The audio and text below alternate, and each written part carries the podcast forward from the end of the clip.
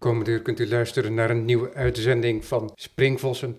Mijn naam is Robert van Altena en in deze serie uitzendingen spreek ik met beeldend kunstenaars, met schrijvers, specialisten op allerlei gebied, cultureel, in brede zin, meestal beeldende kunst.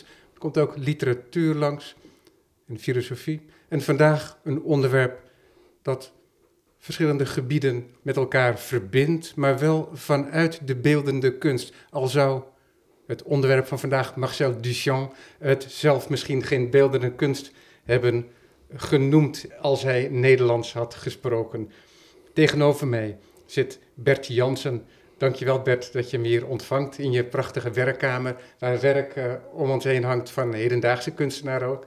Ik zie uh, links van jou een mooi werk van Marien Schouten, onder andere achter je een mooie boekenkast met heel veel boeken over Marcel Duchamp. Een kleine selectie van de boeken die je de afgelopen nou 30 jaar hebt verzameld over de kunstenaar. Denk ik? Dat klopt, ja. Ja, ja. precies. Daar hangen ook enkele etsen van Marcel Duchamp in ja. de andere kamer. Precies. Er is een tentoonstelling geweest rond Marcel Duchamp van jouw hand in Museum Boymans van Beuningen. Daar kunnen we niet meer heen voor die tentoonstelling, want dat was in 2013 of 14. Ja, bij de winter 13, 14. Ja, precies. En voor mij ligt een boek en dat is gewoon nog verkrijgbaar via Erasmus Books en ook via jouw website. Chacun son Marcel. Een ieder zijn Marcel. Vraagteken. De vraagteken is belangrijk. Dat is de basis misschien van jouw werk. De ondertitel luidt Meer duidelijkheid in het werk van Marcel Duchamp. Ik lees voor. Stelling 1 van je proefschrift. De bewering dat Marcel Duchamp in 1917 een urinoir heeft geëxposeerd is onjuist. Stelling 8. Zoals het voor de hand ligt om bij een onderzoek van Cézanne de Mont Sainte-Victoire te gaan zien en in het kader van een studie van renaissancekunst door Florence en Rome te dwalen. Zo verdient het ook aanbeveling om bij het schrijven over Duchamp de plaatsen te bezoeken waar de kunstenaar zijn inspiratie vond. Dat luidt in het Frans een la palissade, Hè? Dat is bijna een platitude. Het is zo vanzelfsprekend, die achtste stelling, dat je denkt, waarom zou je die als stelling moeten opnemen in een proefschrift over deze kunstenaar? Er is zoveel geschreven over deze kunstenaar, maar kennelijk is het in de jaren tien van deze 21ste eeuw noodzakelijk om in een proefschrift over Duchamp op te nemen dat het belangrijk is om de achtergrond van de kunstenaar Duchamp te onderzoeken. Bertje. Ja, en dat is een vraag, uh, waarom dat belangrijk is. Ja, het, dat is belangrijk, dat ontdekte ik ongeveer 1990 was dat ongeveer. Daar kwam een grote tentoonstelling in, uh, in Venetië, gemaakt door Pontus Hulten en, uh, in, tijdens de Biennale. En daarbij was een enorme biografie geschreven door Jacques En een dag van dag tot dag biografie. En daar stonden zo ongelooflijk veel feiten in over Duchamp. En toen kreeg je door dat dat oeuvre van hem, wat we allemaal als kunsthistoricus uh, of als kunstenaar, iedereen kent dat oeuvre. Maar wij vergeten dat Duchamp sinds de jaren 60 pas bekend is. Uh, via popart en via conceptart. Dus wij stellen ons tevreden met een Duchamp-receptie die toen ontstaan is en die nog steeds geldig is voor bijna iedereen, waardoor bijna iedereen ook denkt dat Duchamp in 1917 een urinoir heeft tentoongesteld. Hetgeen niet waar is, want het is geweigerd. Ja, we hebben hier al twee tijdsgebieden. We hebben 1917, ten tijde van de Eerste Wereldoorlog, en de jaren 60. Duchamp is geboren in, wat is het? 1886. 1886. Kunstenaarsgezin, mag je wel zeggen. Suzanne, zijn jongere zusje, was schilder. Je had Raymond uh, Duchamp-Villon, zoals zijn kunstenaarsnaam uh, luidde. Broer die jonger overleed, beeldhouwer ja. in de Eerste Wereldoorlog in 1918. Ja. En Jacques Villon, de beeldhouwer. Ze hebben allemaal, behalve dan die, uh, die Raymond, tot in de jaren zestig zo om zo'n beetje geleefd. Ja. Maar ieder hun eigen traject gehad. Marcel Duchamp, 1917. In 1917 was Marcel Duchamp al in Amerika in de Verenigde Staten. Ja. En heel anders dan al die regimenten van kunstenaars die in de jaren dertig vluchtend voor de oorlog in die Verenigde Staten terechtkwamen. Ja. En dus hij had al een heel andere positie. Hij ging doelbewust op zoek naar iets anders. Hè? Want hij was eigenlijk, had hij een mooie omgeving daar in Parijs. Omringd door zijn broers, door andere grote kunstenaars. Precies, maar dat was een, dat, dat was, uh, dat was een kleine kring. En uh, hij maakte daar ook dat schilderij, naakt dat een trap afloopt, een heel beroemd schilderij geworden, ook door, als succes de skandaal.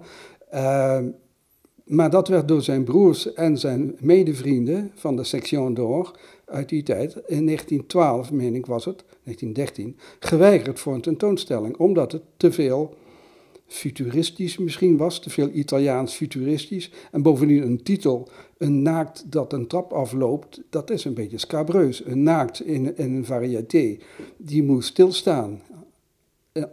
Uh, dat was een tableau vivant. En de schilder loopt daaromheen en schildert dat van de kubist van meerdere kanten. Maar als dat naakt gaat lopen, ja, dat... Uh, is een banalisering ja, misschien. bovendien is op dat schilderij helemaal trouwens geen naakt te bekennen. Je ziet niet of het een mannelijk of een vrouwelijk naakt is. Maar goed, dat schilderij was geweigerd. Precies. En toen heeft Duchamp gezegd, ik hou er helemaal mee op. Hij is in de bibliotheek gaan werken en uh, hij is toen ja, voor zichzelf heeft hij, uh, is hij uh, dingen gaan doen die we later ready-made, die hij zelf later ready-made ging noemen. Dus objecten die hij uh, signeerde en, en, en die in de kunst terechtkwamen. Maar toen nog niet trouwens. Dat is pas later in New York gebeurd, in ook weer een hele kleine kring. Zo klein, of uh, um, daar had hij wel succes, maar dat was dat waren grappen, dat waren woordspelletjes, grapjes. Zodanig, in, in 58 was Duchamp, dat vergeten we, dat is het punt ook erg waar we net over hadden. Duchamp was totaal onbekend in 58. Alleen via Rauschenberg en Jasper Jones en enkele andere protopop kunstenaars, Annie Warhol, is die, is die bekend geworden, zoals wij hem nu ook kennen. In 64 had hij zijn eerste tentoonstelling. Ja, wat uh, mooi is misschien, in een soort correspondentie met de vorige uitzending, toen sprak ik met Jan Fontijn, de grote biograaf mm. van uh, Israëls, van Frederik van Ede, maar ook nu de vertaler van Paul Valéry, uh, waarvan een boekje net uit is gekomen. En Paul Valéry, die wijzigde zijn pad ook, zoals Duchamp zijn pad wijzigde. Mm. Deze parallel gaat zeer ten dele op. En Paul Valéry die zweeg een jaar of twintig voordat hij weer met een eerste gedicht kwam en mm. vervolgens volop in het schrijversstrijdperk uh, trad. Marcel Duchamp die stopt voor de buitenwacht uh, naar zijn large glass, dat hij onafgerond laat zo in 1922, 23. Voor de buitenwacht lijkt hij gestopt met zijn kunstenaarspraktijk schaakt veel, adviseert rijke dames en misschien musea en collectioneurs. Precies. En dan in de jaren 50, 60 verschijnt die figuur weer als uit het niets voor degene die onbekend zijn met hem, die niet tot een kleine cercle behoren, verschijnt hij weer ten tonele. Precies. En dan uh, gaat hij die ready-mates, waar ik het net over had, en die tussen 1913 en 1920 ontstonden de meeste. Uh, daar waren de meeste van weggegooid door, uh, ja, per ongeluk in het ongereden geraakt. En dat, en dat is niet zo gek, hè? want wat is een ready-made? Dat is een, een voorwerp wat je zo kunt kopen, wat je kunt pakken en signeren en zeggen dit is kunst, omdat ik als kunstenaar dat zeg. Ik heb dat uitgekozen en ik poneer dit als kunst. En dan heb je natuurlijk wel een museum nodig of een galerie die dat accepteert en dat als zodanig ook gaat in de kunstwereld gaat binnenbrengen. en nu lijkt het net alsof dat één gebaar is geweest. Ja. Marcel Duchamp heeft dat één keer gedaan en het, het feit is er. Hè? Dat is je eerste stelling. Die, ver, die, verwijst ernaar. De bewering dat Marcel Duchamp in 1917 een urinoir heeft geëxposeerd, is onjuist. Ja, maar dat, is dus, dat wilde hij wel, maar dat werd geweigerd. Dat was nota bene een tentoonstelling waar niets geweigerd mocht worden. Uh, Duchamp zat in de commissie. Kunstenaars, dierenartsen, iedereen mocht wat inleveren. Er waren 2300 deelnemers met meer dan 3000 werken, waaronder een hele hoop kindertekeningen die opa had ingezonden. Als je 5 dollar betaalde, mocht het werk geëxposeerd worden. Er was ook een urinoir, of tenminste een urinoir ja, met de naam Fountain, werd daar ook ingebracht door een Jeff, ene uh, Mut, maar niemand kende dat. Maar er was 5 dollar betaald. Maar de commissie vond dat dat uh, niet kon, dat dat een flauwe grap was. En toen is dat ding ook ja, al heel snel kwijtgeraakt. Maar eerst had Duchamp met enkele vrienden die in het complot zaten een foto laten maken. En daar een, een brochure geschreven waarin werd gezegd van jongens, het klopt niet. Dit object is geweigerd. En die foto was, of dat blaadje was eind jaren 50, was het zo beroemd allemaal, dat en ready-mates, net als Fountain, waren, ook kwijtgeraakt. Want dit urinoir, dat werd Fountain gedoopt. Ja, ja. ja. En, uh, dus daar zijn van die foto's die wel nog waren, heeft Duchamp technische tekeningen laten maken door een technisch tekenaar. Die zijn toen na zijn goedkeuring naar een keramist of naar een smid of zo gebracht. En die hebben die ready-mates die wij eigenlijk allemaal kennen, behalve de originele die je nog in Philadelphia kunt zien. Maar de meeste, als je een urinoir ziet in het Centre Pompidou, dan is dat niet uit 1917. Het is ook nooit een urinoir geweest. Het heeft nooit in een winkel gelegen. Het is een, een sculptuur gemaakt in een oplage van acht door een keramist naar, naar een technische tekening van de oorspronkelijke foto van dat urinoir uit 1917. En dat, en dat, urinoir, dat was een massaproduct. Ja. dus um, te verwijzen naar het origineel, dat is een soort mystificatie bijna. Want de oorsprong, die of die gaat op in het niets, want hij is nergens op gebaseerd, want het is geen authentiek, origineel, uniek werk. Zeker. Of en dat is dan de grote tournure in die 20e eeuwse kunst, verbonden aan de naam Marcel Duchamp.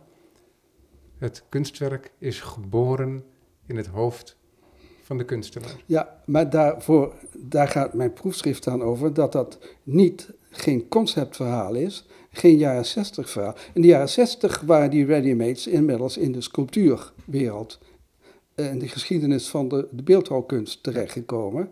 En als zodanig zijn, heeft hij er toen in een oplage van acht ze ook laten maken. Hier in Nederland zie je dat Nederlandse kunstenaars daar gebruik van maken. Je hebt Jan Schoonhoven, die in een installatie, ik meen in het gemeentemuseum Den Haag in een tentoonstelling, kartonnen dozen opstapelde. Mm. En de zijkant, die was dan gewafeld en dat was dan een installatie. Um, Armando die bouten gebruikt en scheepsmetaal, maar dat toch altijd nog schilderkunstig sausje overheen gooit. Dus geen ready-made poursang, maar ook om diezelfde Armando heen bij uh, de nieuwe stijl. Ook ready-mades in de vorm van poëzie. Bastiaan Vaandrager onder andere ja. uh, maakte daar gebruik van. Ja, maar en mijn bewering nu in het proefschrift, ik probeer dus alles wat na 58 en 60 beweerd is allemaal over Duchamp, dat probeer ik te vergeten. Dat kan natuurlijk niet helemaal. Uh, te meer niet omdat Duchamp ruimhartig daarin meedeed. En, en hij moet enorm genoten hebben van zijn late succes.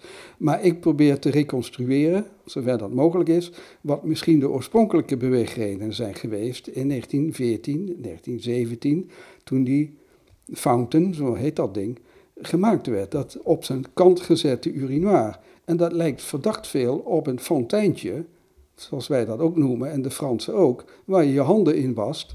En als de waterleiding, in die tijd kregen de huizen waterleiding, en zat boven de fontaine, zoals dat in ieder huis in Frankrijk achter de voordeur zat, een waterreservoir en daaronder een bekken eh, waar je handen kon wassen. In de Villa Savoie van Le Corbusier zie je centraal in de hal een uh, keramieke uh, fontein. na 1915, 16 komt dat water uit een pijpje uit de muur en is dat, dat, dat bekken, dat wordt een fonteintje zoals wij dat ook kennen, zoals je die overal ziet. En toen Duchamp, denk ik, in uh, eerste urinoirs zag in Amerika, in die vorm, en dat heeft hij dat gekanteld en gedacht, dat noem ik fontaine. Maar dan krijg je in de jaren zestig een hele hoop kunstenaars, die gaan daar weer van alles achter zoeken. Die gaan bijvoorbeeld, ik heb al eens gezien, uh, van, uh, series fonteinen, uh, foto's van fonteinen in steden waar Duchamp ooit verkeerd heeft. Alsof dat daar iets mee te maken heeft. Ja, maar dat is, dat, zijn, um, dat, dat, dat, zijn, is, dat is gebaseerd een beetje op het gedachte dat de, de kunst en de ontwikkeling, de voortgang in de kunst, zonder dat dan over een evolutie te hebben, die bestaat eruit dat ieder werk weer uh, verkeerd opgevat gevat wordt door de opvolgers. En dat verkeerd staat dan natuurlijk tussen aanhalingstekens. Precies. Ik, ik op, laat ik vooropstellen dat ik daar geen enkel bezwaar tegen heb natuurlijk. Want alle grote kunstenaars die hebben daarmee te maken. Wij hebben onze eigen Vermeer. Dat is nu het meisje met de paal geworden na de film. We hebben onze eigen Mondriaan, weet ik zeker. Iedere generatie haalt... Uh, uit grote kunst, wat je er eerst zelf in stopt. Uh, dat is bij Duchamp gelukkig ook het geval. Maar dat neemt niet weg dat ik kan proberen dan uh, dat uh, proberen te reconstrueren wat er oorspronkelijk Waar hij vandaan is. komt. Lezend ja. in je boek Jacques Marcel moest ik denken aan een heel mooi boek van... Kijk, ik had het opgeschreven hier. Oh ja, Ellen Yannick want ik vergeet Jennick's naam altijd, en Stefan Toulmin. En het heet Wittgensteins uh, Vienna. Want. Wittgenstein die lijkt ook van een andere planeet te zijn gekomen met zijn filosofie. Ja. En dat is ook eigenlijk, die uniciteit van Wittgenstein is ook al zodanig vaak geïnterpreteerd. Dus daar zijn allerlei ideeën uit voortgekomen weer. Hm. En wat zij deden in 1973, en het leest altijd nog als nieuw, is verbanden leggen van die manier van denken van Wittgenstein met die omgeving van dus, Hofman, Staal en al die kunstenaars die bij de Wittgensteins, een rijke familie, ja. een schatrijke familie, op bezoek kwamen. Dus die Wittgenstein die werd echt gevoerd door die geboortegrond Wenen, ook al werd dat denken later uitgevoerd in Cambridge, Engeland. Precies, ja. En dat gaat ook op voor ja. Marcel, dat het weer belangrijk is om die figuur die zo'n belangrijke rol speelt in die 20e eeuwse kunst, hm. ook weer te kijken waar die vandaan komt, zonder het te hebben over de enige werkelijke, de absolute Marcel Duchamp. Precies, maar ik wilde een tegenwicht bieden aan die volgens mij overconceptualisering van Duchamp. En daar kwam ik dus achter toen ik een voor Metropolis M een boek uh, besprak van Thierry de Duve, van de, met de prachtige titel uh, The Definitely Unfinished Marcel Duchamp. Dat waren de, het verslag van een congres uit 87 in, in Canada. Die verscheen in 91. Metropolis vroeg of ik dat boek wilde recenseren. Ja, Thierry de Duve is altijd ja, een plezier om te lezen. Dat is heerlijk. En, en ik, kwam, ik was veel in Parijs in die tijd. Ik kwam in die omgeving van Pontus Hulten. Die was die tentoonstelling in Venetië, die ik eerder noemde. Waar die enorme biografie verscheen van dag tot dag. En toen kreeg ik door dat er heel veel feitjes waren die wij in de jaren zestig helemaal niet wisten. Die, uh, die en dat Duchamp dus in een kring verkeerde die, die maar heel erg klein was, van vijf of zes mensen tussen 1910 en 1920. Die dadaïsten en dat dat een hele grote grap was ook. En dat hij zelf tekeningen maakte op basis van woordspelletjes en zo. En toen kreeg ik door dat er nog heel veel te vinden was in literatuur die dus niet bekend was. Triviale blaadjes. En toen ben ik dus samen met mijn vrouw, die is kunstenaar en die was ook heel erg enthousiast over die show, toen ook al. Zo hebben elkaar ook ontmoet. Uh, zijn wij al die plekken waar Duchamp, waar dingen zijn gebeurd in de Jura in 1912, in, in, in, New York in 1917. We zijn naar die hotels gegaan waar die logeerde in, in Zwitserland. En, en we zijn die omgeving gaan bekijken. Bijvoorbeeld, en daar heb ik steeds een verslag van gemaakt, een, een artikel over geschreven, over dingen die ik daar aantrof. of blaadjes die ik vond op markten. Achter op mijn boek sta ik uh, op zo'n Franse rommelmarkt, waar je dat soort blaadjes kunt vinden. Uh, en dat kon ik publiceren bij Metropolis M in 1995 en een paar keer. En in kunstlicht en kunstschrift. En daarmee ben ik, langzaam kreeg ik daarmee een, heel, een, een hele verzameling. En daarmee ging ik naar professor Gamboni aan de UvA en die zei, u moet met mij mee naar Genève om daar te promoveren. Maar ik wilde het in het Nederlands schrijven, omdat in Nederland die hele Duchamp literatuur, die inmiddels hier achter mij staat inderdaad, dat is allemaal Frans, Duits, Engels. En ik wilde graag in het Nederlands... Iets toevoegen aan, het, aan het Nederlands. Ja, die nieuwe, die nieuwe visie op Duchamp, die hier eigenlijk niet bestaat, die wilde ik in het Nederlands opschrijven, ja. In Nederland heb je mensen als Gerard Stichter, die de meeste kennen Prachtig, K. Schippers, die toch bezig is geweest met dat erfgoed van de dadaïsten en ook van Duchamp met Bar Barber. Hij was de eerste, absoluut. En ik kan heel goed met, met Gerard... Brands en Bernlef. Ik kan heel goed met Gerard hierover opschieten. Hij heeft al die plekken die ik bezocht heb, die heeft hij eerder, blijkt hij al bezocht te hebben. Dus daar hebben we heel veel plezier over. In de Patafysici Club. We hebben een club in Nederland van Patafysici, een uh, navolging van Alfred Jarry. En wij komen geregeld bij elkaar. En dan hebben we heel grote lol hierover. En daarin zie je al, want je zegt nu Alfred Jarry. Bij de meeste mensen zal die niet bekend zijn. Alfred Jarry is een figuur wat ouder, uh, wat eerder geboren dan Marcel Duchamp, zo'n tien jaar eerder. Ik denk 1873. Eh, ja, ja. Maar overlijdt al in 1907. Leidt een vrij, laten we zeggen, onbeteugeld leven. Drinkt cocktails waar hij ook inkt in mengt. Maar misschien maakt dat deel uit van de mythe rond deze Jarry. Maakte absurdistisch theater toen het nog niet bestond als zodanig. Misschien in hele populaire versies. Want daar zie je wel al dingen binnenlekken. Werd toch wel gezien als een grote creatief persoon. Schreef prachtige romans. Eén is er ook vertaald hier geweest in het Nederlands, in ieder geval Superman. Um, die in een, in een, prachtige Meurenhof-editie nog altijd in de Rams voor twee kwartjes te kopen is. Maar dit is een nieuwe vertaling, pas verschenen. Ah, werkelijk? Ja. Ach, wat mooi. Ge, uh, geannoteerd door Pieter de Nijs, met wie ik samen een, een Duchamp uh, online tijdschrift... We hebben een Duchamp-nummer gemaakt, Relief heet dat, van de Universiteit Leiden. En dat hebben we daar samen en, gemaakt. En Le Surma, de Superman, is opnieuw vertaald. Ja, staat hier achter. Oh, wat goed. Nee, maar, nee, maar dat is dan, dat, daar wil ik straks wel een kijkje ja, in. Uh, ja, ja. en dat, zijn, dat is die literaire wereld in Nederland. Die is heel actief over Duchamp. Uh, en die dadaïstische Duchamp, ook uh, die tijd. En die zijn ook bezig met Raymond Roussel, met Brisset, al die andere absurdistische of proto-surrealistische schrijvers eigenlijk. Die vanuit het symbolisme, je noemde het net Valérie, uh, in uh, die wereld, Montmartre, die, die gekte daar op die heuvel in Parijs. En daar hoort Duchamp eigenlijk ook bij. En dat probeer ik in mijn proefschrift, die woordgrapjes die zij maken en zo, dit probeer ik te, te vitaliseren. Ja, en ik maakte net een, uh, een kleine woordgrapje natuurlijk, dat Marcel Duchamp zichzelf geen beeldend kunstenaar zou hebben genoemd als hij Nederlands had gesproken. En dat verwijst naar het idee dat hij schilderkunst dat hij dat retinale kunst noemde. Dus kunst alleen maar voor het oog. En hij wilde maken kunst voor het lichaam, het oog, de geest. Een soort totaalkunst zou je misschien uh, kunnen zeggen, al zou hij dat woord ook weer niet gebruiken. Nee, hij zei, je hebt uh, 50% is van de kunstenaar en daar ga ik dus over en dat, daar heeft u niets mee te maken wat ik vind. En die andere 50%, dat is degene die, die, het, die het tot kunst bestempelt en dat is de kijker. En dan is het de zaak, en over 50 jaar is het toch weer allemaal voorbij en dan is er weer een andere kunst. Dus Duchamp was uh, vond het allemaal heel relatief, inderdaad.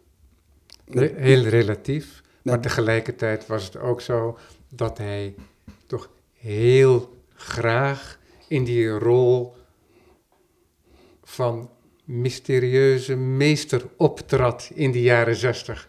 Je kunt het zo zien op YouTube, dat je in BBC-interview ziet in de laatste jaren van zijn leven. Ja. En dat doet hij met veel plezier. Een gentleman causeur. Precies. En, en je kunt ook En, nu, als je daarmee bezig bent en zo lang mee bezig bent als ik, dan krijg je ook heel veel bewondering voor de nauwgezetheid waarmee hij zijn eigen oeuvre beschermt. Hij heeft tenslotte vanaf 35 is hij het gaan verzamelen in een, in een koffertje. Als een klein mini-museum waarmee je kunt rondtrekken. De in de oplage. Ja, in een oplage van 300. Zodat hij had helemaal geen succes als kunstenaar. Dat kwam pas echt. Zijn eerste tentoonstelling, wat ik net zei, was 1964. Uh, eh, maar hij heeft zijn hele leven lang zijn oeuvre enorm beschermd en en werk ook naar elkaar laten verwijzen en zo. Het, is, zit er prachtig in elkaar. En het is heel persoonlijk, veel persoonlijker dan wij denken. Maar je moet wel heel veel lezen en, en Duchampian ja, lezen. En, en zo persoonlijk zelfs, dat het heel vaak bijna alleen maar via de anekdote die zich aan het zicht onttrekt, openbaart als het ware. Ik heb de Large Glass gezien zonder er ook maar iets over te weten. Ja. In New York. Wat bevreemdend is, want het ding staat normaal gesproken in Philadelphia. Ja. Dat was in 1996, 97. En ik vind het een mooi ding. Het is een indrukwekkend object. Hè? Dus het is ook een retinaal plezier, om dat uh, maar zo te zeggen. Maar je, je, hebt de titel, die geeft wat mee. Hè? De, de titel, de Large Glass. Maar het is ook het is het ook weer La mariée mise à nu par les célibataires même. Ja. Uh, de, de getrouwde, de bruid, de bruid. Uh, ontkleed uh, door, um, door de vrijgezellen en dan zelfs. Ja. Of zelf. Même, maar als je in het Frans même uitspreekt, of la mariée même, dan, sta, dan hoor je de bruid houdt van mij. Ja. hij heeft Duchamp natuurlijk nooit gezegd dat, het, dat die bijbetekenis, dat woordspel daarin zat. Ja. Maar het is zo consistent in bijna al zijn werken. Ik noemde net Fountain, Fontaine. Eh, het, het zijn bijna allemaal woordspelletjes. Bovendien zei hij, Roussel in zijn prachtige Engels, Roussel showed me the way. Dus Roussel heeft me de weg gewezen. Roussel was die toneelspeler, uh, schrijver, in 1912 die, die, hij had dat toneelstuk gezien, uh, Impression d'Afrique, waarbij op het toneel absurdistische dingen gebeurden met gekke voorwerpen en die waren alleen als taalspelletje bedacht. Dat heeft toen e-, even enorm succes gehad in Parijs. Maar vooral de surrealisten waren hier dol op. Duchamp heeft dat gezien in 1912, samen met Apollinaire en Picabia. Dat was die vriendenclub. En toen is Duchamp ook opgehouden met schilderen, net in, in dat jaar ook, in die tijd. En is die volgens mij dan zich helemaal gaan richten op, op is zoiets mogelijk in de beeldende kunst ook. Ja. Wat Roussel doet op het toneel. En er is taal. ambivalentie op elk niveau in het werk, in het beeldende deel, maar ook in de titels die altijd één geheel vormen met het werk. En in die titels, in de taal maakte heel veel gebruik van homofonie. Dus het gelijkluidende. In het Frans staat er bol mee. Je hebt het over mem, hetzelfde. Maar qui mem, die van mij houdt, dat klinkt hetzelfde. Maar wat hij ook doet, is dat hij een soort transpositie maakt van het Frans naar het Engels, waardoor je echt volledige betekenisverplaatsingen krijgt ja. uh, in een andere taal. Totaal absurd, en hij, ja. En alles is toegestaan. En het ene kan een doodlopende weg zijn. Het is een soort labyrint dat hij creëert. Mm. En een web van mogelijkheden. Hè? Het is een mogelijkheidskunstenaar. Precies, Zo, dat is erg belangrijk. En dat duurde voor mij een tijd. Ik, ik, in die tijdschriftartikelen kwam ik op die ideeën. Door dat landschap lopend in de Jura kom je bijvoorbeeld de Hérisson tegen. Dat is nog steeds een, een, een, punt waar iedereen naartoe gaat. Dat is een waterval in vijf verdiepingen. Het duurt ongeveer een uur voordat je dat pad hebt gelopen. Soms achter de waterval langs, om dat allemaal te zien. Nou, dat was net in 1912 opengelegd. Ik heb uh, boekjes daarover uit die tijd, en ansichtkaarten uit die tijd. En uh, Duchamp kwam net daarna, na het bezoek daar met zijn vrienden in de Jura aan een op een plek die daar vlakbij die watervallen ligt, Ze maakte wandelingen, dat, dat weten we uit de biografie. Nou, waar ga je dan heen? Nou, volgens mij naar die waterval. Die heet Hérisson. Hij komt in Parijs, even later, en daar gaat een nieuwe supermarkt open, een nieuwe magazijn. Naar Amerikaans voorbeeld. Ja, een heel eind van zijn huis vandaan. Ik heb het gelopen, zo ongeveer drie kwartier lopen. Uh, en daar koopt hij een flessenrek, terwijl hij alleen woont. Waar heb je dan een rek nodig om zo'n flessenuitruiprek? Uh, je hebt één fles wijn dan in huis. Uh, daar koopt hij zo'n flessenrek met de naam Hérisson. Ja, dan ga ik toch denken dat dat misschien toch een verholen betekenis heeft met die watervallen daar in de Jura. en een hérison, um, zo heette dat afdruiprek voor flessen, ja, omdat, het, omdat het staketsels zijn die circulair geordend zijn, waarop je ondersteboven Precies. een fles kunt steken. Ja, en, een egel, ja. En een hérison is in het Frans ook een egel. Dus daar heb je al drie mogelijke betekenissen. Precies, ja. En het heeft een erotische betekenis. Als je het ziet, denk je aan gezien het hele oeuvre ook aan aan erotische dingen. Nou, hij, hij was daar op bezoek bij Gabrielle Buffet, de vrouw van zijn beste vriend Picabia, op wie hij verliefd is in die tijd, maar die hem toen nog, later niet meer, maar toen afwees. Want ze had twee kinderen en dat gaf geen pas. Maar hij liep daar rond samen met Picabia en Gabrielle Buffet en Apollinaire in die streek. En volgens mij is dat toen hebben ze die watervallen bezocht. En uh, is, heeft hij in Parijs als een aide mémoire voor zichzelf. Hè? Het waren nog geen ready-mades. Dat woord komt pas veel later. Het was ook nog geen kunst. Voor hem misschien. Hij, hij schreef toen een aantekening voor. Hij, maakte aantekeningen. Uh, Peut-on faire des œuvres qui ne soient pas d'art? Kun je werken maken die geen kunst zijn? Nou, dat vind ik, dat is een cruciaal ding in mijn proefschrift. Ja, precies. Kun je werken maken die, geen, kunst, zijn?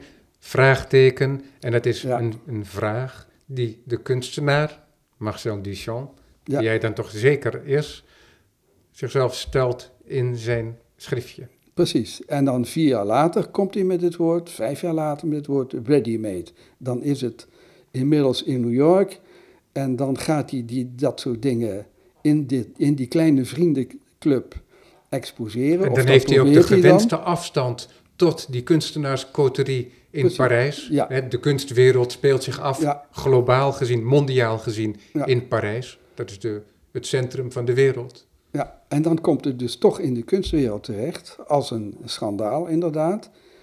En dan zijn ze in de jaren zestig vergeten en dan maakt hij ze opnieuw, omdat ze als foto en als als voorloper van Andy Warhol met zijn geschilderde uh, soepblikken en zijn echte en zijn brillo-dozen vooral.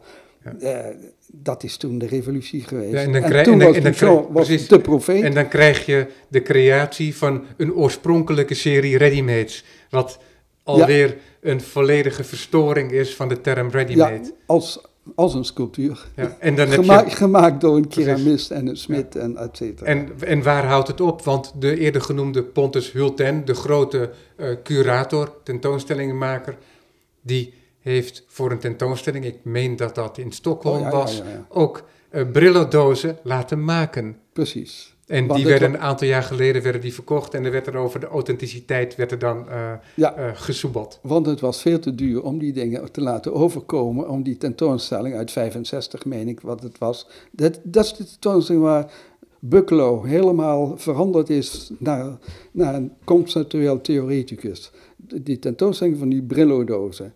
Daar heeft hij gezien dat alles concept was. Uh, Kossuth ook. Ja, Jozef Kozut, we, we, hebben ze een, nog niet zo lang geleden langs kunnen zien komen in de Set Siegelau tentoonstelling ja. in het Stedelijk Museum. Prachtige tentoonstelling. Ja, ja, ja. ja en daar, daar probeer ik dus een, een, een, een vraagteken bij te zetten. Ja, en hoe, hoe, hoe ben je aan het werk gegaan? Want achterop je proefschrift staat die foto van jou ja op die rommelmarkt. Dat is niet zomaar een anekdotische foto als een leuke de memoire, een herinnering. Je deelt het met ons, omdat dat scharrelen op die rommelmarkten tegelijkertijd ook kunsthistorisch onderzoek dat heeft mij een enorme hoeveelheid documenten opgeleverd, die ik dus hier die ik geëxposeerd heb en die ik hier gewoon in de kamer hiernaast liggen. En die misschien naar Peking gaan voor een tentoonstelling, daar wordt over gesproken. Uh, en die staan afgebeeld voor een groot deel in mijn proefschrift. Dus anders dan dat je in de, de duves van deze wereld uh, bent gaan verdiepen en catalogie bent gaan lezen, wat je ook allemaal hebt gedaan, ongetwijfeld, ben jij je gaan verdiepen in de populaire cultuur.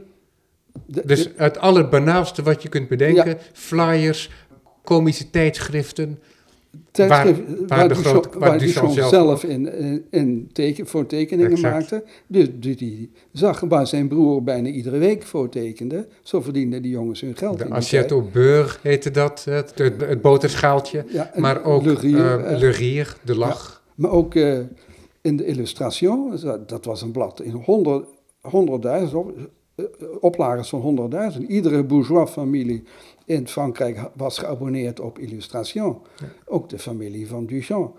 En als je daar doorheen bladert, net in die jaren, dan zie je wat er speelde. Dan, bijvoorbeeld in dat grote glas wat je net noemt, daar komt een passage in voor waar de vrijgezellen staan als mannelijke mallen. Moel mali, uh, malik. Ook weer een woordspelletje met malicieus en maal en zo. Uh, maar die staan in de menie. Menie is een onderverf. Dan moet, ze wachten op kleur. Die krijgen ze van de bruid boven.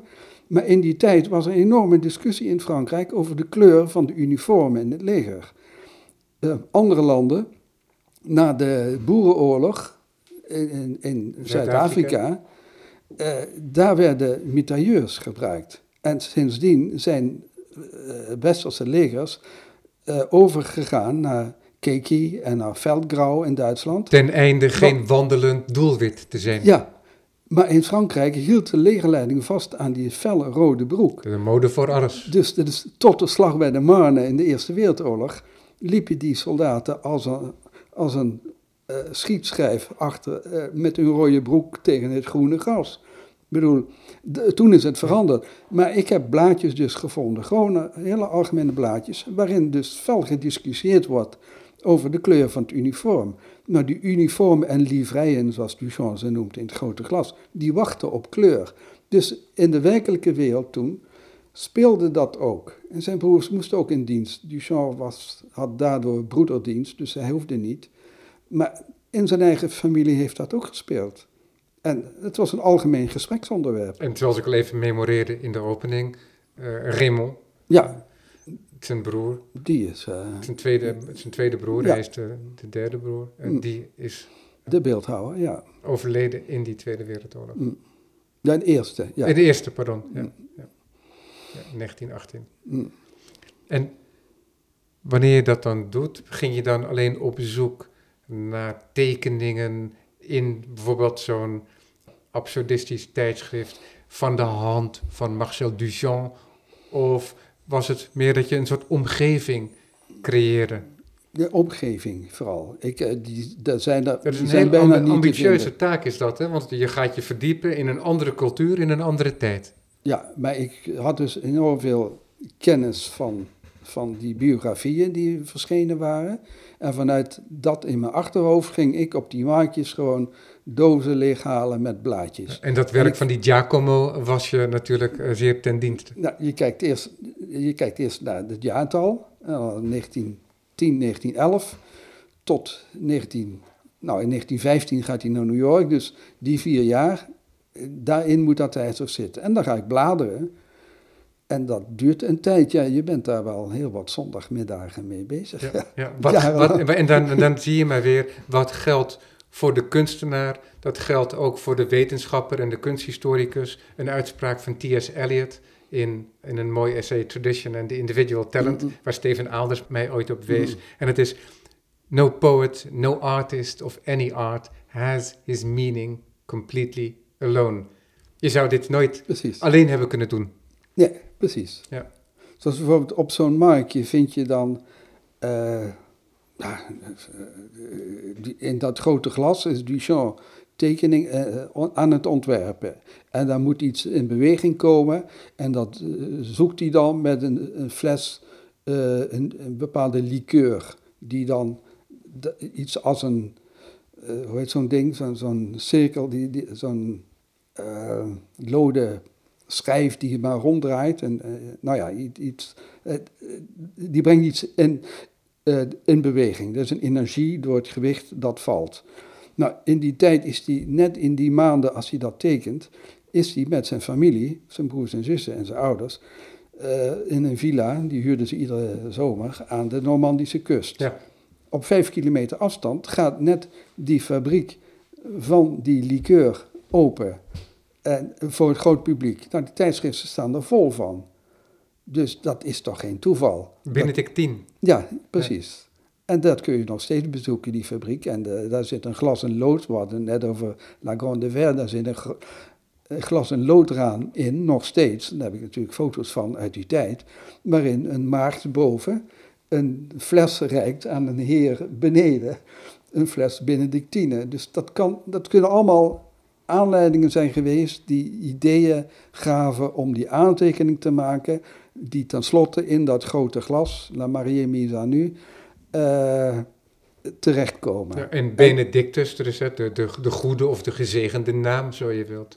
Wie weet, wie weet heeft dat meegespeeld. Maar Benedictine was toen ook een hele gevierde, bij kunstenaars, een heel gevierde firma die heel veel opdrachten gaf voor, voor uh, reclame. Ja. Uh, Muga bijvoorbeeld, en heel veel. En er zijn heel veel uh, tekeningetjes in tijdschriften te vinden waarbij uh, een vliegenier bijvoorbeeld ondersteboven vliegt, maar dan net nog een glaasje ja. binnen die tien genuttigd. In het Van Gogh Museum is er wel eens een tentoonstelling aan gewijd, ook aan dat deel van die kunsten waarin je die vermenging plaatst Dat de kunsten zich ook ontwikkelen, juist door uh, publicitaire uitingen. Precies, ja.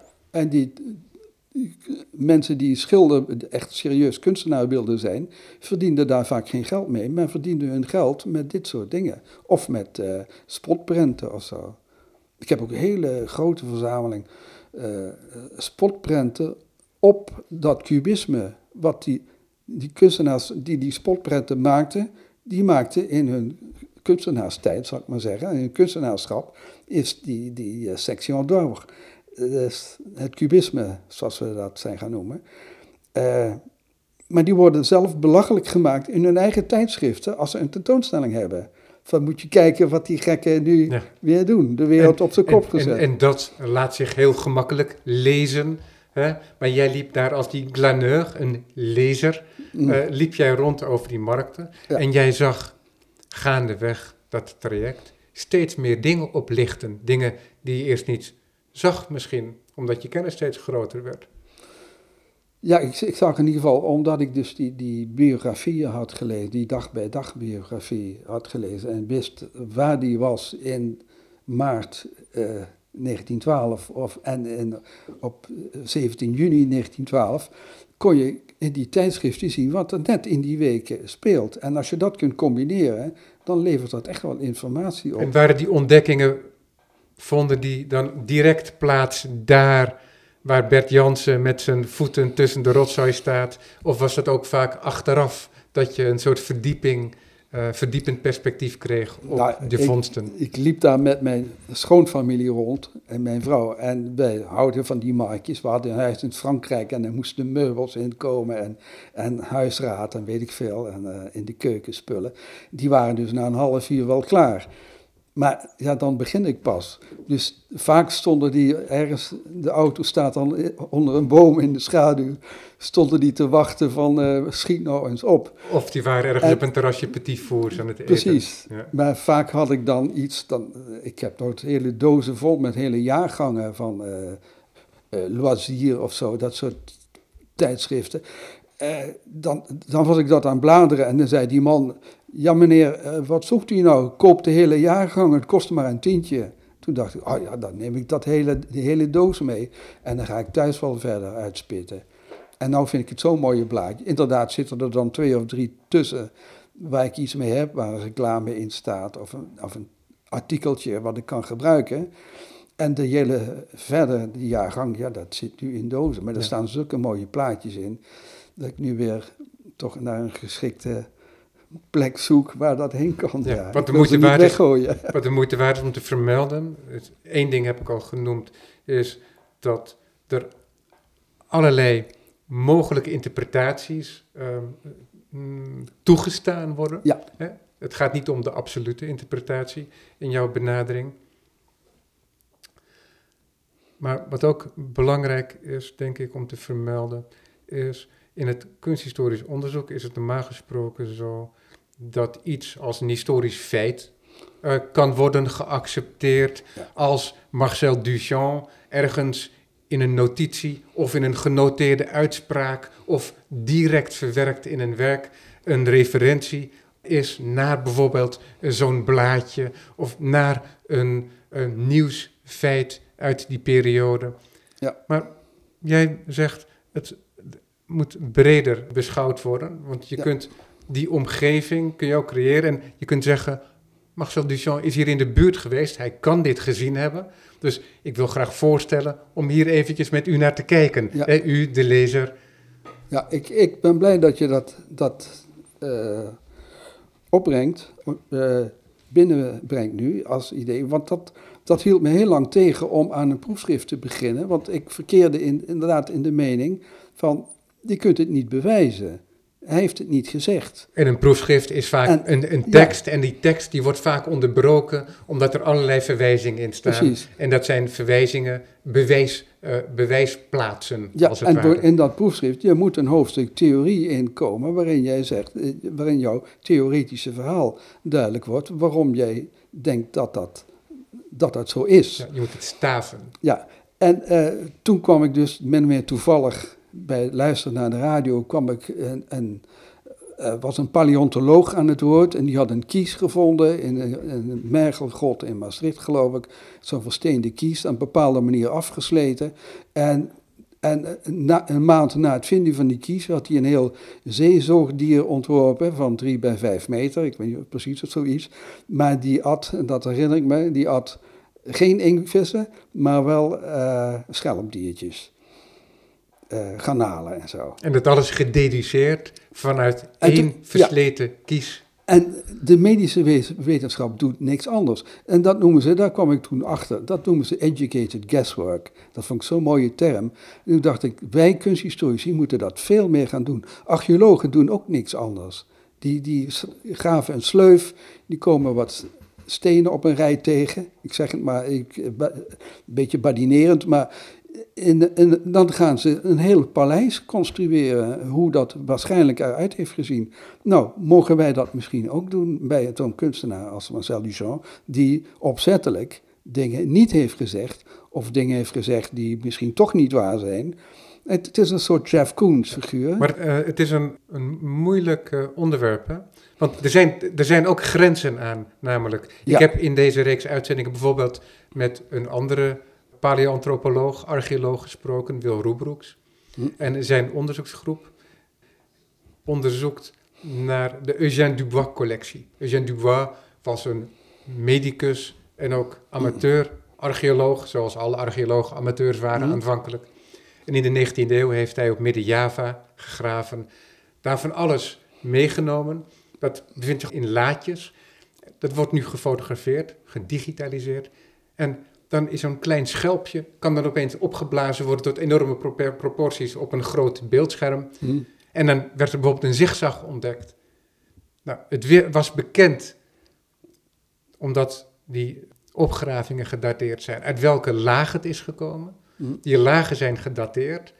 En dat is 450.000 jaar oud, om en nabij. Hmm. En toch is er moedwillig door een mensenhand of een hand van een mensachtige ah een zigzag opgezet. Ja. En dat kan geen Homo sapiens zijn geweest, want die bestond nog niet. Hm. En in die omgeving bestond er iets wat wij tegenwoordig een Homo erectus noemen. Ja. En in de tijd van Dubois een Pithecanthropus erectus, geloof ik. En daardoor weten we dat een Homo erectus daar die mooie, egale zigzag op die moeilijke, moeilijke bolle kant heeft geschreven. Dus daar zijn wel wat bewijsplaatsen, als het ware. Het is een soort driepuntsmeting, wordt er dan. Ja, ja. Um, en aan de andere kant bestaat er speculatie. Maar er zijn altijd ook wel grenzen aan wat, wat toegestaan is. Hoe baken je dat dan af? Nou, eh, het, ik kijk naar het hele oeuvre. Het moet wel consistent zijn. Het moet eh, door het hele oeuvre heen gaan. Dat woordspel bijvoorbeeld, die, die, die, die hang naar dat woordspel.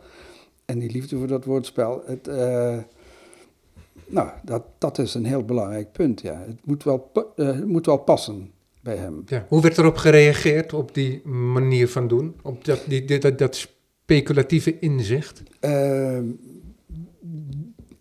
dat is, daar moet nog veel... Het is in het Nederlands geschreven, zoals ik zei. Daar moet de, de Duchamp-wereld is vaak Engelstalig. Ik heb nu een reactie van Nauman in uh, New York, die heel geïnteresseerd is. En die zegt mij, ik heb een hele grote, hele ruime Engelse vertaling van mijn vondsten dan gepubliceerd. Maar hij zegt, dat, is, dat moet je toch echt door een native speaker laten doen, want dit is uh, niet goed genoeg. Uh, ik heb wel hele positieve reacties van uh, de verzamelaar van de Velde, Ronnie van de Velde in, in Antwerpen, die een hele grote collectie Duchamp had, die inmiddels in Schwerin in Duitsland is. Die heeft professor De Wolf van de Verenigde Universiteit op mijn spoor gezet. En met die heb ik nu heel veel contact. En die is zeer geïnteresseerd inderdaad ook. Dat is een van de Duchampianen die je tegenkomt bij Duchamp-congressen en die dan uh, nieuwe vondsten, die, die uh, praatjes houdt, die lezingen houdt, lectures. Dus het is in die Duchamp-wereld, ja, de Franstaligen, die zullen het moeilijk hebben hiermee, als ze het al zouden kunnen lezen, maar als ze de plaatjes zien, dan zouden ze het kunnen, ook kunnen deduceren. Ja. Bij, in Frankrijk ligt Duchamp moeilijk. Het, uh, omdat de Amerikanen zeggen dat het een Amerikaanse kunstenaar is, hebben de Fransen nog steeds van, nou ja, die man is gedenatureerd of zo. Uh, daar hebben ze in ieder geval nog steeds dat conceptuele idee van Duchamp, uh, het slimste jongetje van de klas, die ja, en conceptuele kunst is ook een in oorsprong Amerikaanse kunst. Precies. als je eh, kunsten eh, zo uh, binnen de grenzen kunt dwingen. Maar ik maak van die zo een echte Franse symbolist bijna uit 1910. En in die zin gaat die parallel weer op met die Janek en Toulmin over Wittgenstein. Dat Wittgenstein die zijn filosofie bedrijft in Cambridge. Hm. Eigenlijk volledig verbonden is en geworteld is in zijn denken, in het wenen van het fin de siècle. Ja. En Marcel Duchamp, die op jonge leeftijd al naar de Verenigde Staten gaat, daar zijn werk maakt. Ook een Amerikaans uh, paspoort krijgt vanaf 54. Uiteindelijk toch ook nog altijd die Franse kunstenaar is, want hij is onvervreemdbaar Frans ja, ook. Maar ik eh, bedoel, stel je voor, er komt een meneer uit die Jansen heet en die volgens de Fransen uit Denemarken komt, want al het is boven Brussel. En die komt hun vertellen hoe Franse woordspelletjes in elkaar zaten in 1910. Ik denk niet dat dat erg veel succes heeft. Ik denk niet dat de Fransen dat uh, snel zullen accepteren. Als ik mijn proefschrift, dat, die hoofd, dat hoofdstuk wat daarover gaat, in het Frans over. Het, het, zou een prachtige uitdaging zijn om het wel te laten doen. Hoewel het anekdotische een grote rol blijkt te spelen als we jou volgen in dat leven van Marcel Duchamp. En ik denk dat het niet een gedachte is die alleen maar eigen is aan jou met jouw blik op Duchamp. Zo'n Giacomo mm. zal allerlei vindplaatsen al ook al geïntroduceerd hebben tussen, met parallellen tussen het leven en het werk van ja, ja, ja, er zijn meerdere, ook Fransen inderdaad, die zo schrijven, maar die, die, die dat is een beetje clownesk-achtig. Uh, het wordt niet serieus genomen. Nee, die, Patrice Keriel bijvoorbeeld, die ik ook nu net, ik, ik kom net uit uh, uh, Rouen en die omgeving, daar komt het vandaan. Het is, het is heel Normandisch, Duchamp ook, echt van die beetje grappen. Het is heel grappig wat hij doet. Ja, want dat, dat zeg je dat de, de, de Normandische inborst, ja. die, uh, dat is een humoristische inborst. Ja, ja. Dat is toch, ik vind het, vind het altijd fascinerend om van dat soort karakteristieken te projecteren op streken. Maar, uh, ja, ja. Um, En Duchamp, die, die, afkomstig uit Normandië, draagt die uh, Normandische inborst. De Fransen vinden dat wel, ja. En, maar dat is, wordt in Parijs dan weer een beetje boertig gevonden. Uh, ja, de naam... Hij is natuurlijk, hij, hij loopt ook niet om het scabreuze heen, Marcel nee, Duchamp. zeker niet, zeker niet. En hij heeft ook heel veel hele flauwe grappen ook, vind ik, zelf ook gemaakt. En het, het, en het werk en de persoon vallen heel erg samen. Ook als je in zijn interview ziet, hij is altijd vrij geamuseerd ook. Ja, precies. Uh, de, de muze amuseert zich, ja. niet alleen bij hem, maar ook bij mensen die, hem dat, die dat hebben gezien, ook in de jaren 60, die heb je ook. Maar dan zit je vaak in België inderdaad, bij uh, Broodhaas. Die heeft dat ook gezien bij Duchamp. Dat die kant vooral interessant is. En dat is later weer door René Daniels in Nederland weer via Broodhaas overgenomen. Dus de, die, die, die bloedlijn die zit ook wel in de kunst. Die wordt ook in de kunst zo. De dierbare René Daniels, die ik zelf niet ken, maar zijn werk wel. En ik, het verwarmt me altijd. Ja. ja. heel elegant, uh, melodieus. Ja, maar ook de, de muze die zich amuseert. Exact. De muze exact. muze. Ja, de, het, het, paleis van de Beaux-Arts, het Palais ja. des Beaux-Arts. Hij zei tegen Steven Aalders ook, sprekend over het onderwerp, waar gaat je werk over?